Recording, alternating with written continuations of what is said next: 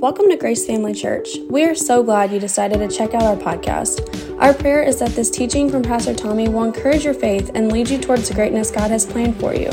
Thanks again for listening. We hope you enjoy this message. To jump into our message this morning. Um, we uh, I started a series last week, a Christmas message called Three Christmas Gifts A Savior, a Redeemer, a King.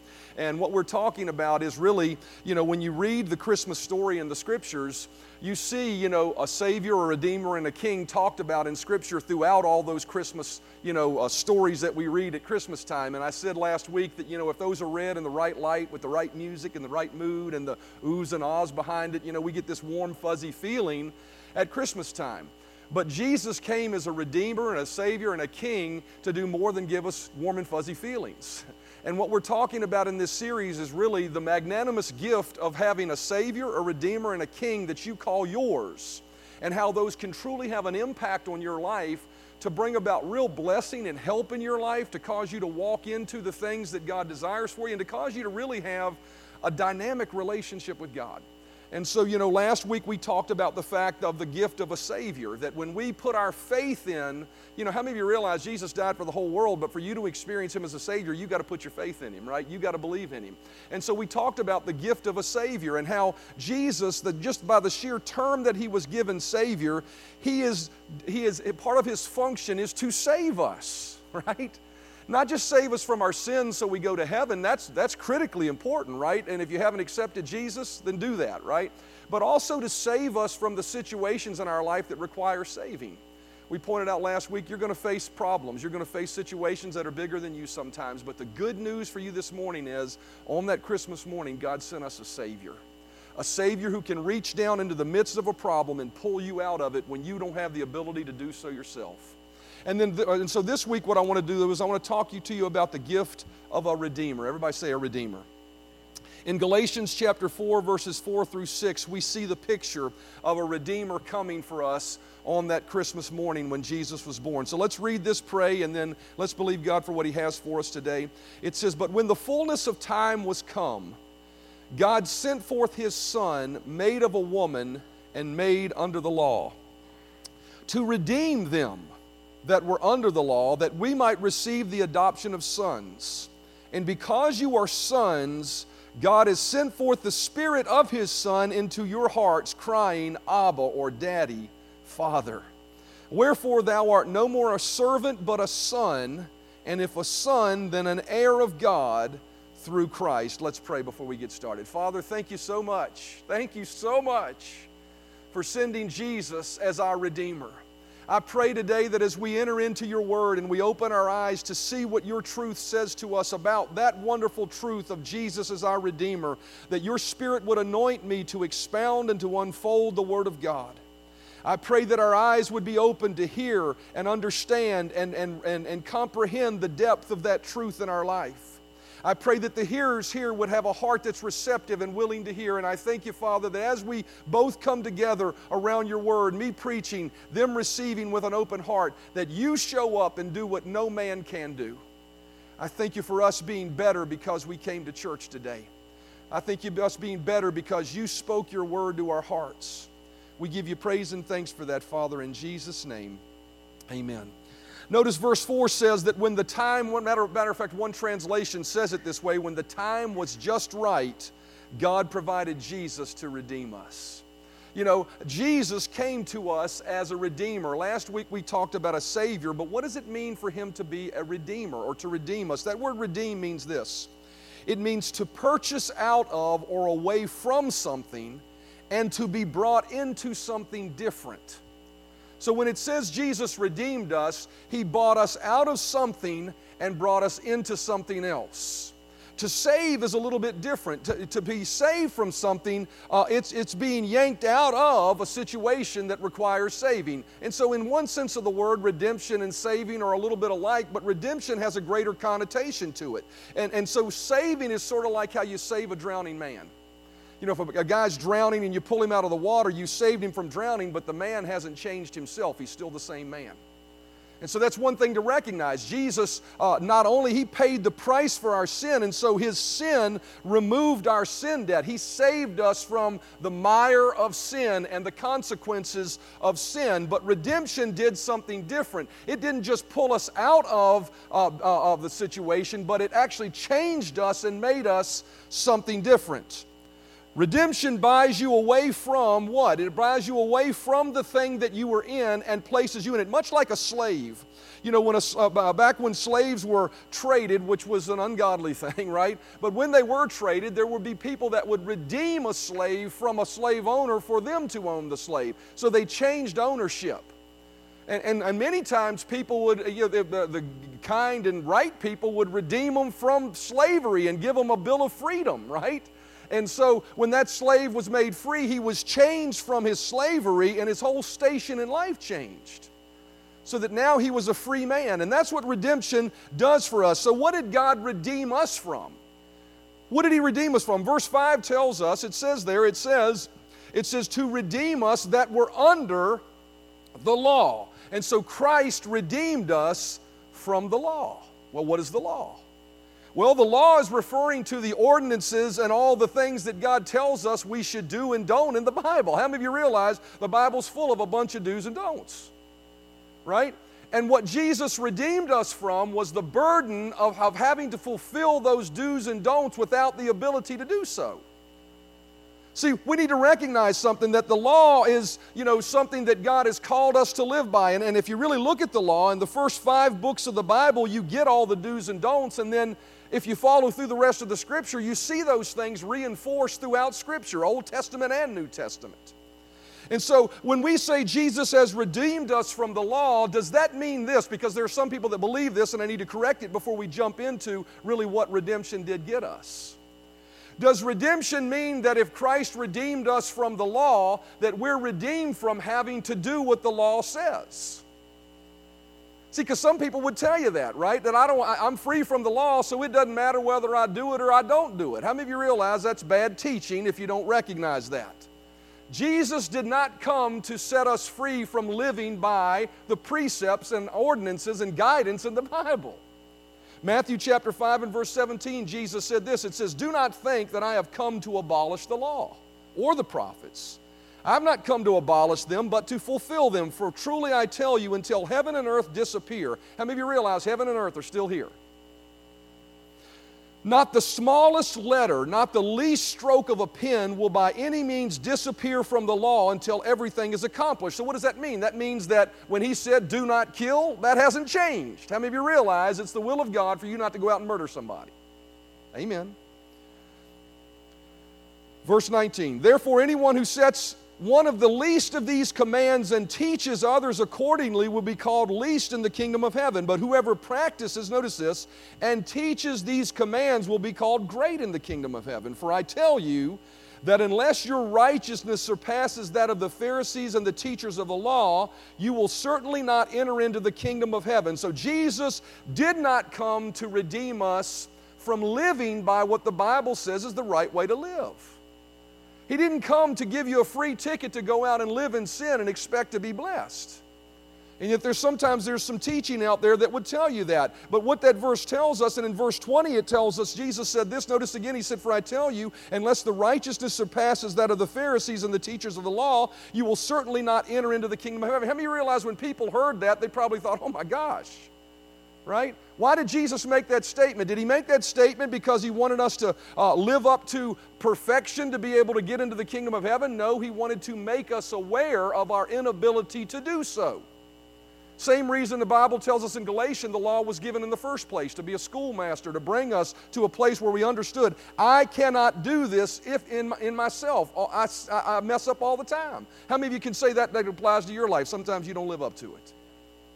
And so, what this verse of Scripture says is, is that Jesus said he, he came to not dis, dis, cause the law to go away, but He came to make us aware that we need something greater than ourselves to be able to satisfy God's requirement for righteousness. And so, we need to recognize that, that what Jesus was not saying was, when, when the scripture tells us we've come to and we've been redeemed from the curse of the law, it's not telling us that, that we're set free from living the way that we're supposed to live. How many of you realize that you, if, if, if, if you're redeemed from the law, for you to say, I'm redeemed, so I no longer need to walk in his commands, that would be wrong to say that. I'm redeemed and I can pick and choose what commands, because that's where some people sit, right? How many of you realize the Bible's full of commands that we should live by, right? Don't murder, don't kill, don't lie, don't cheat, don't steal, pay your tithes, tell others about Jesus, invite people to church. How many realize all of those are things the Bible tells us we should do? But I think it's funny that what we wind up doing many times is we wind up categorically saying for certain commands that we're redeemed from them and we don't have to do them. And for other ones, you know, we still need to do them. It's okay for me to not murder. I mean, I shouldn't murder and I shouldn't commit adultery, but you know, I don't need to pay my tithes because Jesus redeemed me from that. See, Jesus didn't come to redeem us from any law. He came to fulfill it so that we could accept His righteousness to set us free from having to meet that requirement and so we could receive something more. And so then the first thing is that we understand then when Jesus redeemed us from the law, what did He redeem us from? He redeemed us from having to fulfill every bit of the law. How many of you realize that all have sinned and come, short, come short of the glory of God? How many of you can qualify for that in your life? And because of that, that sin stains us. But what redemption does is not only did it forgive our sins, but it cleaned us up and made us something more than a sinner saved by grace. It bought us back. Secondly, what redemption did, and this is really what I want to get to this morning because I think this will help those that may struggle with things in their life that they can't seem to shake. Secondly, redemption redeemed us from living under the heavy burden of striving to do what God wants us to do in the strength of our flesh, so that we naturally can do it by the strength of our spirit. See, what we talked about last week is this Remember last week when we talked about the necessity for salvation, we said that when Adam sinned, death passed upon all men, for all have sinned. How many remember we talked about that, right? So that put us in the category of we, uh, we were sinners. And because of that, we have a, before we accepted Christ, we had a sinful nature a nature, not only a flesh that wanted to do wrong, but a sinful nature that wanted to do wrong. So when God came with His commandments to the nation of Israel and He said, Don't do this, don't do this, don't do this, why did He say, Don't do all those things? Because they were doing those things. By nature, they wanted to do those things, and God told them not to do those things, not to give them a bunch of do's and don'ts, but to protect them. You realize every command that God gives you is given to you to protect you from you being harmed? When God tells you not to murder, He tells you not to murder because He doesn't want people harmed. If He tells you not to lie, because it's going to come back and bite you. If He tells you to be kind, it's because He wants you to sow seeds of kindness so you get it back. He tells us to do things not so we measure up and get in line and march like a good soldier. He tells us what to do because He wants us to be protected from harm. But the situation that the nation of Israel was in, and every man is in, is this God said, Here's the way to live so your life is well, but the nature in them wanted to do something completely opposite. So there was a burden that was had by every person that understood that if I want to walk in the blessing of God, I have to do X, Y, Z, but my heart doesn't want to do X, Y, Z. I want to cheat. I want to lie. I want to be selfish. And that's the state every man was in before he was born again. But when we accept Christ and we're redeemed, redemption made us a change in us so that we didn't have to do the law, we wanted to do the law. That's the difference. Galatians chapter 4 and verse 6 is this it says, But when the fullness of time was come, God sent forth his Son, made of a woman, made under the law, to, notice this, to redeem them that were under law, that we might receive the adoption of sons. See, he redeemed us so that we could become sons of God. And anything, so think about it for a minute. He, he, he removed the burden. And you think about it for a minute. That, what that verse says is he, he says he redeemed them that were under the law. I looked up that word under, and what that word under means in the, in the original Greek is this it means to be burdened down by it. So Jesus came to redeem us from being burdened down from trying to do the law, but our heart wanted to do otherwise. Think about it for a minute. How many of you realize anything that you don't like to do but you have to do is a burden? Let me realize that. How many of y'all like to eat? How many of you like, don't, don't like the weight that comes from eating too much? How many of you know it's a burden sometimes to say no to food? Not drugs, say no to food, right? It's a burden. How many of you realize if you're working a job that you hate, it's a burden to go to work every day? But if you, how many realize this though? If it's something you love to do and want to do, it's not even work, it's something you enjoy doing. See, what Jesus came to set us free from, more, more than just saving us from our sins, He came to save us from ourselves. He came to place within us the nature of God. This, this is the point of the message the nature of God, so that we naturally wanted to do and enjoyed doing what God wants us to do. He redeemed us from having to do right to wanting to do right.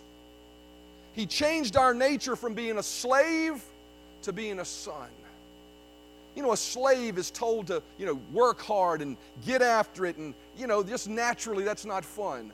But a son, by sheer nature, he, he is like his father. He thinks like his father. He, he's, he's like that. And so, sons with born, so we were made sons with born again spirits that desire to do right. Salvation saved us from our sins, but notice this redemption made us sons of God. Now, they're interchangeable, they happen at the same time. But redemption makes us sons of God. John chapter 1 and verse 12 says, But as many as received him, to them he gave the right to become children of God. To those who believe in his name, who were born not of blood, notice this, nor of the will of the flesh, nor of the will of man, but of God. When we accept Jesus and the redemption that He provided for us, we become a child of God. Our nature changes. Second Corinthians says, Behold, old things pass away, and behold, all things become new. When a person becomes born again, here's what happens on the inside of them they want to do right, they desire the things of God. Now, does that mean that you don't uh, have your flesh? How many of you realize you got desires that are ungodly sometimes? Just let somebody pull in front of you in traffic. How many of you realize the flesh jumps up? Y'all pray for your pastor.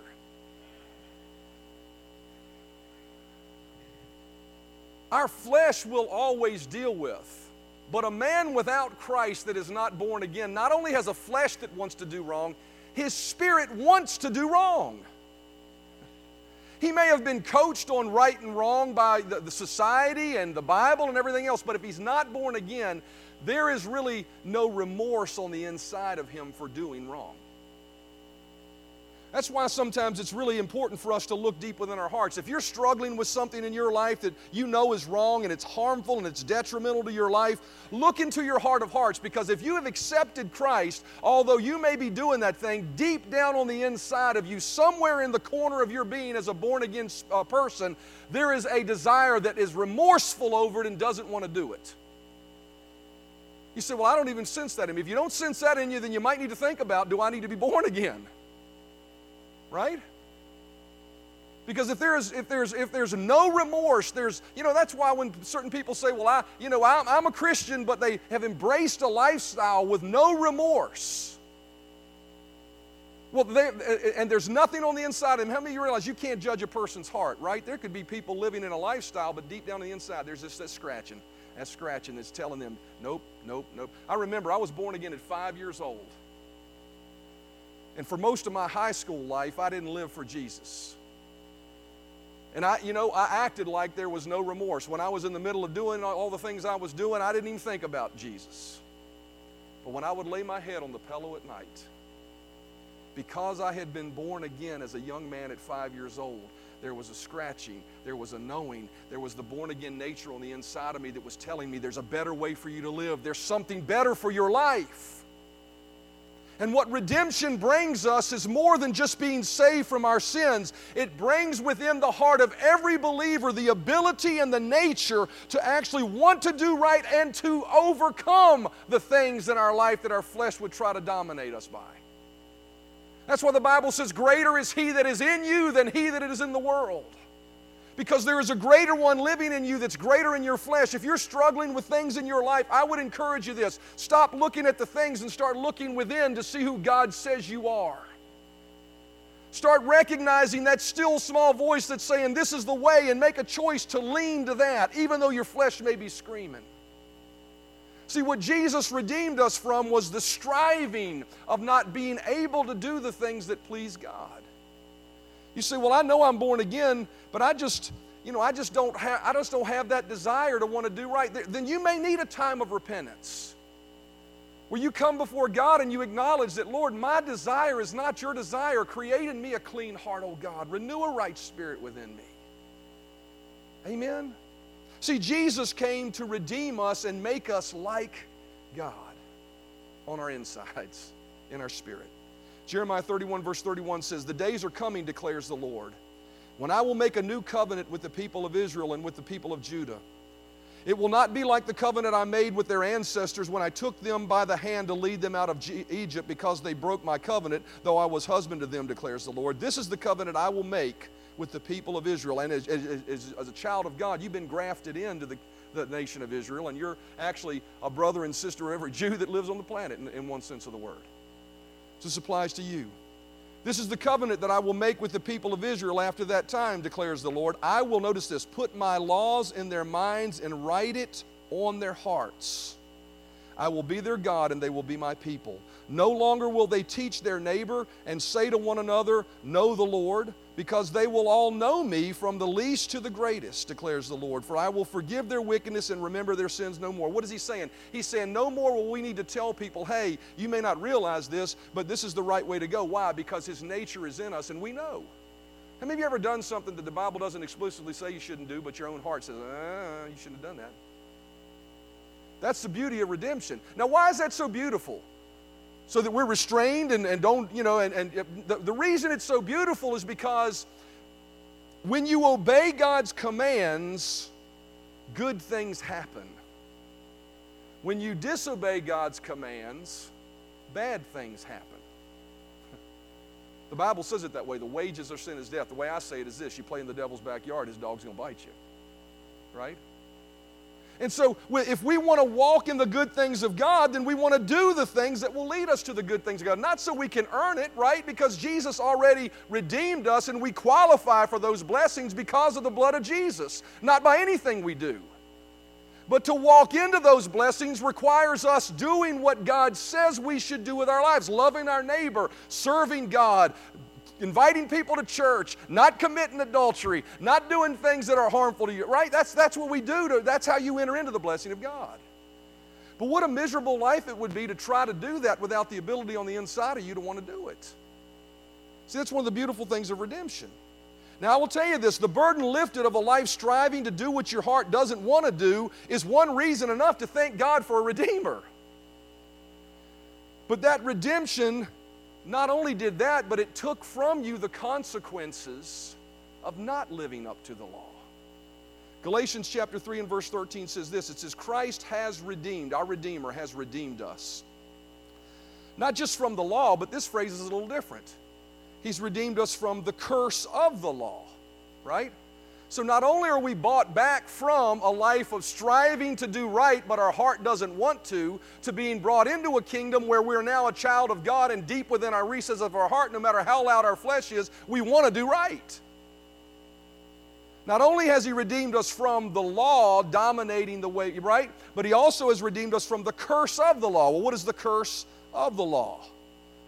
The curses of the law are real simple. If you go back to Deuteronomy chapter 28, you can see what the curses of the law are, and you can see what the blessings of the law are. Notice what it says there Christ has redeemed us from the curse of the law, having become a curse for us, for it is written, Cursed is every one that hangs on a tree. So he paid the price to redeem us that the blessing of Abraham might come on the Gentiles in Christ Jesus, that, notice this, that we might receive the promise of the Spirit of faith so, through faith. So we've been redeemed to, from the curse so that we might receive the blessing.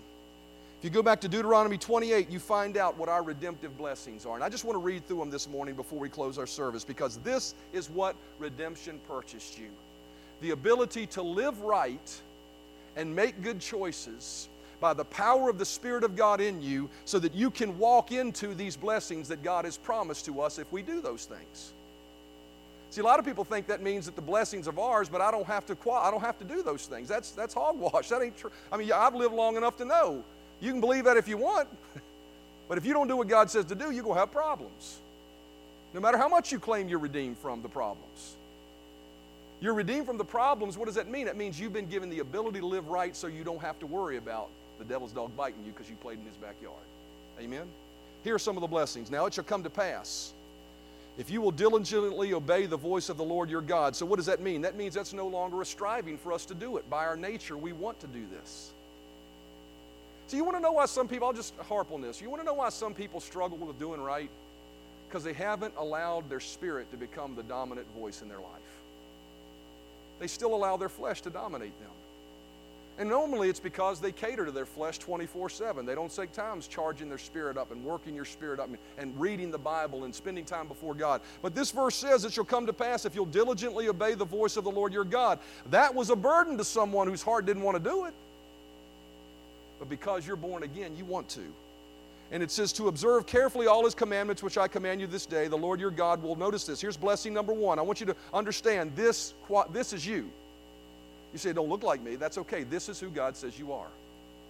God will set you high above all nations of the earth. What does that mean? It means He's going to put you in a high place. You ain't going to be under, you're going to be on top. You ever heard somebody say, I'm, I'm not, you know, at the bottom of the barrel, I'm under the barrel? God has redeemed you from being under the barrel. And all these blessings shall come on you and overtake you because you obey the voice of the Lord your God. Blessed shall you be in the city, and blessed shall you be in the country. You're going to be blessed coming and going. Everybody look at your neighbor and say, I'm blessed coming and going. Blessed shall be the fruit of your body and the produce. So, first of all, blessed shall be the fruit of your body. How many of you have kids? Your kids will be blessed. That's a promise from God if you'll live the way God tells you to live by the Spirit of God that lives in you. Your kids will be blessed. Blessed shall be the fruit of your body, the produce of your ground, and the increase of your herds, and the increase of your cattle, and the offspring of your flocks. How many realize we're not all cattle herders here? He's not talking about physical cattle. He's talking about whatever you put your hand to as the work of your hand, God will bless it. It will not be fruitless, it will be fruitful. Blessed will be your basket and your kneading bowl. I always liken that to my checkbook and my savings account. Blessed shall be when you come in, and blessed shall you be when you go out. The Lord will cause your enemies who rise up against you to be defeated before your face. That's why when somebody comes against you, you ain't got to get worried about it. You ain't got to fight back. You ain't got to be vicious and mean. All you got to do is say, Lord, thank you. I'm blessed. And my enemies, what does it say about my enemies? They'll be defeated before my face. God will take care of it. They shall come out against you one way, but, they, but flee before you seven ways. The Lord will command the blessing on you in your storehouses and in all which you set your hand to. He will bless you in the land which the Lord your God has given you. So that means where you are right now, if you've been following the Lord, He will bless you in that place. You will not be defeated, you will not be overcome, you will not live in lack. Verse 11 And the Lord will grant you plenty of goods. Plenty of goods. Everybody say plenty of goods. Not just barely enough, not just enough to pay your bills and squeak by till the next week, plenty of goods in the fruit of your body and the increase of your livestock and the produce of your ground in the land in which the Lord your God swore to your fathers to give you. The Lord will open to you his good treasure. His good treasure. The heavens to give rain to your land in season and to bless the work of your hand. If you're working now and you're, how many of you realize there's a lot of talk right now about the economy and where things are going? I've often said this. If I lived in the middle of uh, Alaska and all I had is popsicles to sell that were that ketchup popsicles to an Eskimo that had a white coat on, God would figure out a way to bless me in spite of the economy that surrounded me. Why? Because that's a promise of what God's Word says. So I don't care what the naysayers are saying, I don't care what the prognosticators are saying. What the Bible says is if you'll stand on God's Word, He will bless the work of your hand. Amen. You, you will lend to many nations and not borrow. That means, uh, you know, we live in an economy of borrowing, borrowing, borrowing, borrowing. God wants to bless you so much that you don't have to borrow. And you say, Well, I'm not there yet. That's okay. That's what He says is mine. Then I'm going to believe for it. Amen. The Lord will make you the head and not the tail. You shall be above only and not beneath. Look at your neighbor and say, You ain't a tail.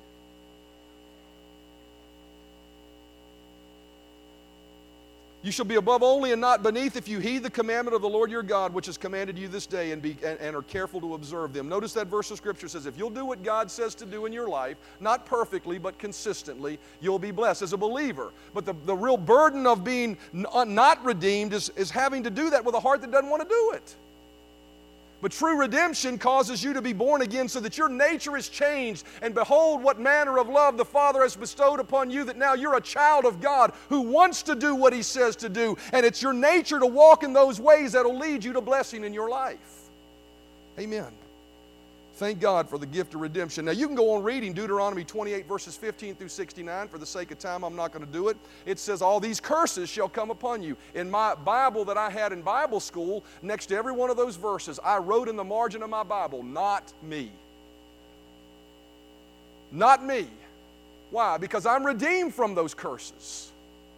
So I don't accept those. Go back and use that as some study time for you. You're redeemed from poverty, lack, loss, failure, theft, sickness, anxiety, madness, loneliness, family problems, no peace, constantly at war with others. All of that you're redeemed from because you've been redeemed from the curse of the law.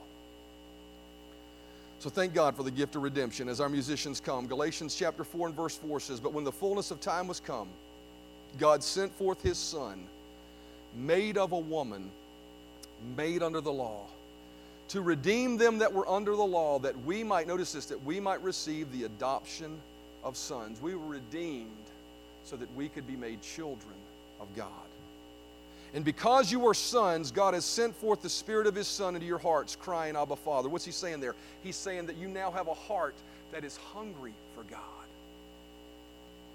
You say, Well, I don't feel like it. I feel dry. I don't feel like I'm hungry for God. Look into your heart of hearts.